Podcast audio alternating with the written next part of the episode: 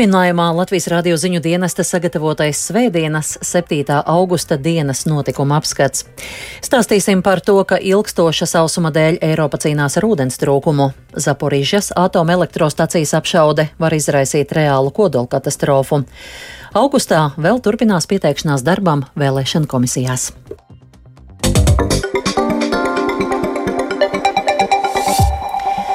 Līdz ar ilgstošo karstumu lielu daļu Eiropas šovasar piemeklējas arī sausums. Daudz vietu upēs ir dramatiski krities ūdens līmenis, bet vietām vairs nav pieejams krānūdens. Īpaši smagi sausumu izjūt lauksēmniecības nozare. Lai cīnītos ar ūdens trūkumu, vairākās valstīs iedzīvotāji ir mudināti ierobežot un taupīt ūdeni. Par sausumu Eiropā stāsta Uldis Ķezberis. Francija pašlaik piedzīvo jau trešo karstuma vilni kopš jūnija. Šajās brīvdienās valsts dienvidos gaisa temperatūra sasniedza plus 37 grādus pēc Celsija, bet sinoptiķi prognozē, ka tuvākajās dienās lielā daļā valsts temperatūra stabili turēsies virs plus 30 grādu atzīmes. Ilgstošā karstuma un reto nokrišņu dēļ daudzās upēs gandrīz pilnībā ir izsīcis ūdens, bet vairāk nekā simts Francijas pašvaldībās vairs nav pieejams dzeramais ūdens no krāna, tāpēc tur dzīvojošajiem ūdeni piegādā ar autocisternām. Francijas premjerministre Elizabete Borna paziņojusi, ka šī ir nepieredzēta situācija, tāpēc viņa izveidoja īpašu starpministriju komisiju, kas koordinēs palīdzības sniegšanu sausuma vissmagāk skartajiem reģioniem. Francijas ekoloģiskās pārējas ministrs Kristofs Bešu brīdinājis, ka nekas neliecina par iespējamo situācijas uzlabošanos tuvākajā laikā. Izaicinājums būs pastiprināt ūdens lietošanas ierobežojumus, lai ūdens neizsīktu arī tajos reģionos, kur tas vēl mazliet ir. Mums arī būs jāspēj paredzēt, kur ūdeni ir nepieciešams piegādāt, lai nebūtu situācijas, ka kāda apdzīvota vieta pēkšņi paliek bez dzeramā ūdens. Starpministrija komisija veids plānošanas darbus, sadarbojoties ar prefektūrām. Jau pašlaik 93 Francijas reģionos reģionos ir spēkā ūdens patēriņa ierobežojumi. Piemēram, maisaimniecības diennakts laikā nedrīkst izlietot vairāk kā 200 litrus ūdens, bet sabiedriskās ēdināšanas iestādēm ūdens patēriņu nācās samazināt uz pusi. Ierobežojumi attiecas arī uz privāto golfa laukumu un dārzu laistīšanu. Atsevišķās pilsētās nedarbojas strūklakas. Francijas galvaspilsētas Parīzes pašvaldība nolēma pārtraukt parku laistīšanu naktīs. Jūlijā Francijā nokrišņu daudzums bija par 84% mazāks nekā parasti šajā mēnesī. Ilgstošais sausums rada pamatīgas galvas sāpes franču lauksaimniekiem. Saules izdedzinātajās ganībās ir grūtības pabarot mājlopus. Savukārt labības audzētāji brīdina, ka sausuma dēļ būs sliktāka kviešu un kukurūzas raža. Francija ir viena no pasaulē vadošajām šo graudaugu eksportētājām, tādēļ ir bažas, ka varētu pastiprināties globālā pārtikas krīze, ko ir izraisījis Krievijas uzsauktais karš Ukrainā. Francijas valsts enerģētikas uzņēmums EDF bijis spiests samazināt dažu atomelektrostaciju jaudu, jo upēs ūdens temperatūra ir pārāk augsta, lai nodrošinātu pietiekamu reaktoru dzēsēšanu. Sausums nopietni skāris arī citas Eiropas valstis. Nīderlandes valdība šonadēļ pasludināja ūdens trūkumu valstī. Slavenajos Nīderlandes kanālos ir ievērojami krities ūdens līmenis, tāpēc tur ir ierobežota kuģošana. Dažos reģionos lauksaimniekiem ir aizliegts laistīt savus laukus ar ūdeni no virszemes ūdens tiltnēm. Ūdens trūkuma dēļ Nīderlandes infrastruktūras un ūdens apsaimniekošanas ministrs aicinājis valsts iedzīvotājus mazgāties dušā īsāku laiku, nemazgāt automašīnas un nelaistīt dārzus. Rekordkarstu vasaru piedzīvo Portugāle, kur arī šonadēļ gaisa temperatūra pārsniedza plus 40 grādus pēc Celsija. Valsts vides ministrs paziņojis, ka Portugāle pieredz lielāko sausuma periodu gadsimta laikā. Arī Portugāles valdība iedzīvotājus ir aicinājusi ievērojami samazināt ūdens patēriņu. Nepieredzētu sausumu piedzīvo arī Alpu kalnu ieskautā Šveice. Kalnu upēs šovasar ir strauji samazinājies ūdens līmenis, bet nokrišņi ir bijuši reti. Tāpēc armijas helikopteri helikopteri ar lieliem konteineriem piegādāja ūdeni ganībām, lai mājlopi nenomirtu no slāpēm. Uldis Česberis, Latvijas radio. Pēdējās dienās Krievijas karaspēks aktīvi apšaudījis Zaporīžas atomelektrostaciju, un tas rada bažas par drošību tur. Turpēc apšaudēm darbinieki bija spiesti atslēgt vienu no strādājošiem energoblokiem. Ukrainas prezidents Volodimirs Zelenskis šodien telefonu sarunā ar Eiropadomas prezidentu Šārlu Mišelu aicināja starptautisko sabiedrību spēcīgāk reaģēt uz Krievijas kodolteroru. Uldis Ķezberis stāsta plašāk.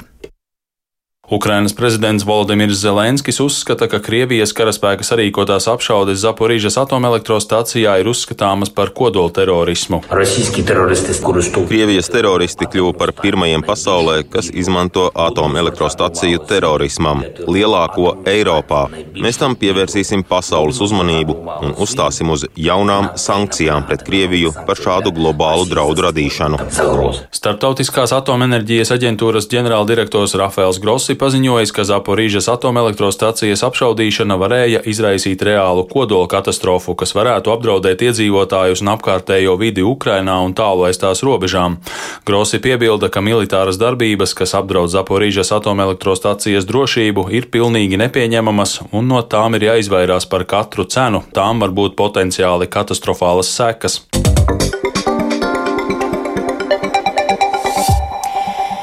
Augustā daļā pašvaldību aizvien turpinās pieteikšanās darbām saimas vēlēšana iecirkņos, stāstīja Jānis Kīncis. Pieteikums darbam vēlēšana iecirknē iesniedzams pašvaldības vēlēšana komisijā tās noteiktajā termiņā.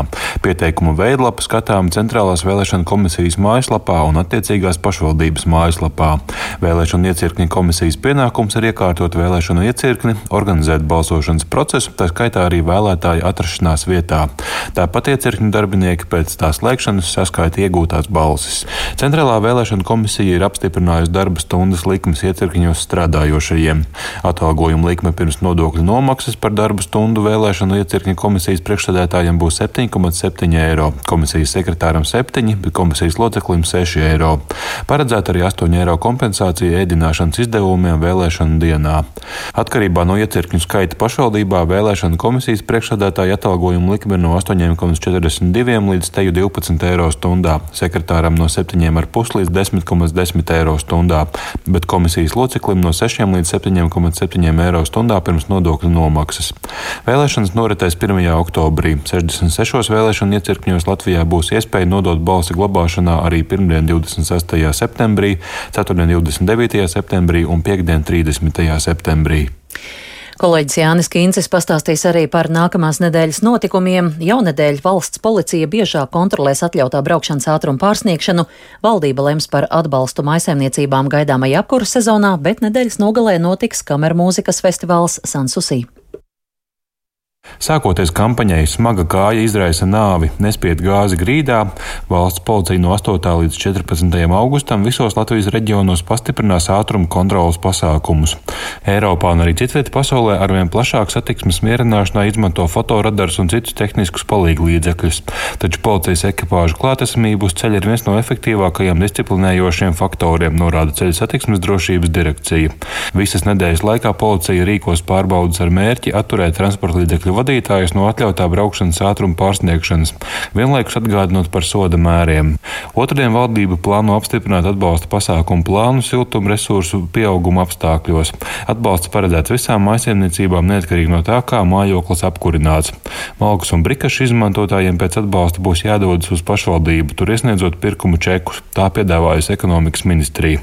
Latvijas pašvaldības savienības padomnieks Ainos Almiņš gan ir satraukts, ka lielo pieprasījumu domēs nespēs saulaicīgi apkalpot cilvēkam jau nav to apgrozāmu līdzekļu. Viņš jau rēķinās, ka viņš šo atbalstu saņems, un tas atbalsts jau ir kaut kādi 10-20% no tā pieauguma bet viņš arī nesaņem to papildus vēl jautājumu, kad būs ļoti daudz šādu cilvēku, un rezultātā abas puses būs neapmierinātas. Gan tie, kas to pakalpojumu sniedz, gan arī tie, kas saņem. Atzīmējot Startautisko jaunatnes dienu, piekdien, 12. augustā Agenskalnu tirgu notiks jauniešu festivāls Tramplīns.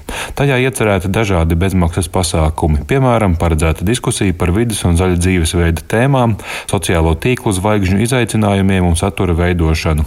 Iecerēts apģērba apmaiņas punkts otrā elpa, kā arī galda tenisa turnīrs. Savukārt vakarā uzstāsies dziedātāji Kato. No piekdienas līdz svētdienai Aknīstē viesu namas uzsēja teritorijā un arī ārpus tā notiks jau 9. kamera mūzikas festivāls Sansusī.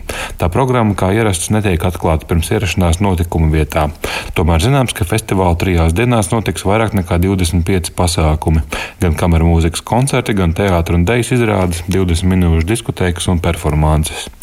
Tāpat no svētdienas 14. augusta Aglonā norisināsies ikgadējie visvētākās jaunavas Marijas debesīs uzņemšanas svētki. Svētdien notiks tautas krustaceļš, pusnakts svētā mise, bet pirmie svētki turpināsies ar galveno misiju un citiem pasākumiem. Jānis Kincis, Latvijas Radio.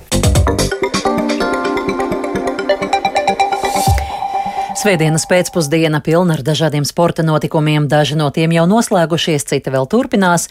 Lai atskatītos uz visiem galveniem rezultātiem, kā arī saprastu, kam vēl jāsako līdzi, esam sazinājušies ar kolēģi Māri Bergu. Sveiks, Māri! Sveika, Solveiga, sveicināti klausītāji! Šodien Latvijas futbola virslīgā trīs spēles, kādi šajos mačos rezultāti. Jā, par futbolu parunāšu jau pēc brīža, bet vispirms gribētos izcelt, ka Latvijas smaiļotājs Roberts Akmens īsi pirms šī raidījuma sākuma izcīnīja 4. vietu pasaules čempionātā 200 metru distancē. Uzvarētājam eh, no Spānijas Karlosam Arevalo Akmens zaudēja pussekundi, bet līdz goda piedestālam viņam pietrūka vien 0,12 sekundes. Jebkurā gadījumā, protams, tas ir lielisks rezultāts. Tātad par futbolu šobrīd noslēdzies tikai viens no kopumā plānotajiem trim mačiem. Tajā FC Rīgā ar 3-2 smagā cīņā tomēr apspēlēja meta vienību. Pirms, pirms dažām minūtēm sākušās abas atlikušās spēles Liepāja savā laukumā uzņem audu, un lai arī Liepājnieki ir favorīti, tomēr auda ir pierādījusi, ka šī komanda var iekos pretiniekiem un atņem punktus nomināli stiprākām komandām. Tāpat spēle šobrīd aizvada RFS un virslīgas pastarīša Supernova. Šī ir pirmā spēle, kas notiek jaunā LNK sporta parka centrālajā laukumā. Solveiga! Jā, pārskrienot ziņu virsrakstiem redzams, ka šodien daudz aktualitāšu basketbolā pastāsti lūdzu sīkāk, kas tur svarīgs. Jā, basketbolā šodien ļoti daudz viskaut kā. Sāksim ar Latvijas sieviešu izlasi, jo šodien nosaukt sastāvs, kas dosies uz pārbaudas spēlēm Japānā un Dienvidkorejā. Neapšaubāmi pieredzējušākās spēlētājas šajā sastāvā ir Elīna Babkina un Ieva Pulvere.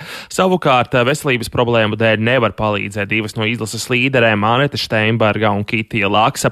Tāpat nebūs arī talantīgās Dignas Strautmanes, kurai turpinās sezona Austrālijā un nespēlēs arī pieredzējusi Aija Jurjāne.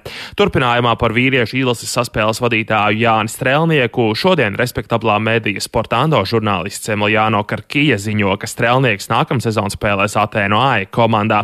Karkijam bieži ir ļoti precīza informācija, tāpēc šāda situācijas attīstība ir pilnīga, pilnībā iespējama un reāla. Strelnieks kopā ar Latvijas izlasi šobrīd gatavojas pasaules kausa kvalifikācijas spēlēm pret Turciju un Lielbritāniju, kas notiks augusta beigās. Visbeidzot, Eiropas 18 čempionātu basketbolā vīriešiem B divīzijā Latvijas izlase noslēdza 13. vietā, un turnīra pēdējā spēlē šodien Latvijas jaunie basketbolisti ar 89-69 sakāva Ungāriju. Šobrīd norit Latvijas 3-3 basketbola kausa izcīņas izšķirošie mači Vēnspilī. Tieši, tieši šobrīd arī sākas, un šo pasākumu tiešraidē var vērot Latvijas televīzijas 7. kanālā. Solveiga. Jā, un īsi vēl par to, ka Zviedrijā sācies pasaules motokrosa čempionāta posms otrais brauciens, kāda sekmes ir Paulam Jonasam. Jā, Paulam Jonasam pirmais brauciens sanāca diezgan vienmuļš. Viņš visu braucienu pavadīja dažas sekundes aiz Romēna Fevra, 8. vietā pats turējās pāris sekundes priekšā sakotājiem, bet beigās Paulam 7. vieta finišā. Tagad otrā brauciena sākums viņam neveiksmīgs. Izskatās, ka startā atkal ir bijis kritiens, un Pauls ir kaut kur aiz 20. 25. 26. vietā. Līdz ar to neveiksmīgs starts viņam otrajā braucienā, bet nu, vēl 20 minūtes jābrauc. Turpat Zviedrijā Eiropas čempionāta ieskaitā vērtēsim 25 kubikcentimetru klasē. Jānis Reišulis šodien uzvarēja otrajā braucienā, un viņam otrā vieta arī summā. Tas man šovakar arī viss. Jā, paldies par sportu stāstīja mans kolēģis Māris Bergs. Izskan Latvijas radiodienas notikuma apskats, producents Edgars Kupčs par labu skaņu rūpējās Īveta Zvēniece un Renārs Šteimanis ar jums runāja Solveig Leitlandi. Vēlreiz īsi par svarīgākiem tematiem. Ilgstoša sausuma dēļ Eiropa cīnās ar ūdens trūkumu, daudz viet iedzīvotājiem jāierobežotā patēriņš, Zaporīžies atomelektrostacijas apšaude var izraisīt reālu kodolkatastrofu.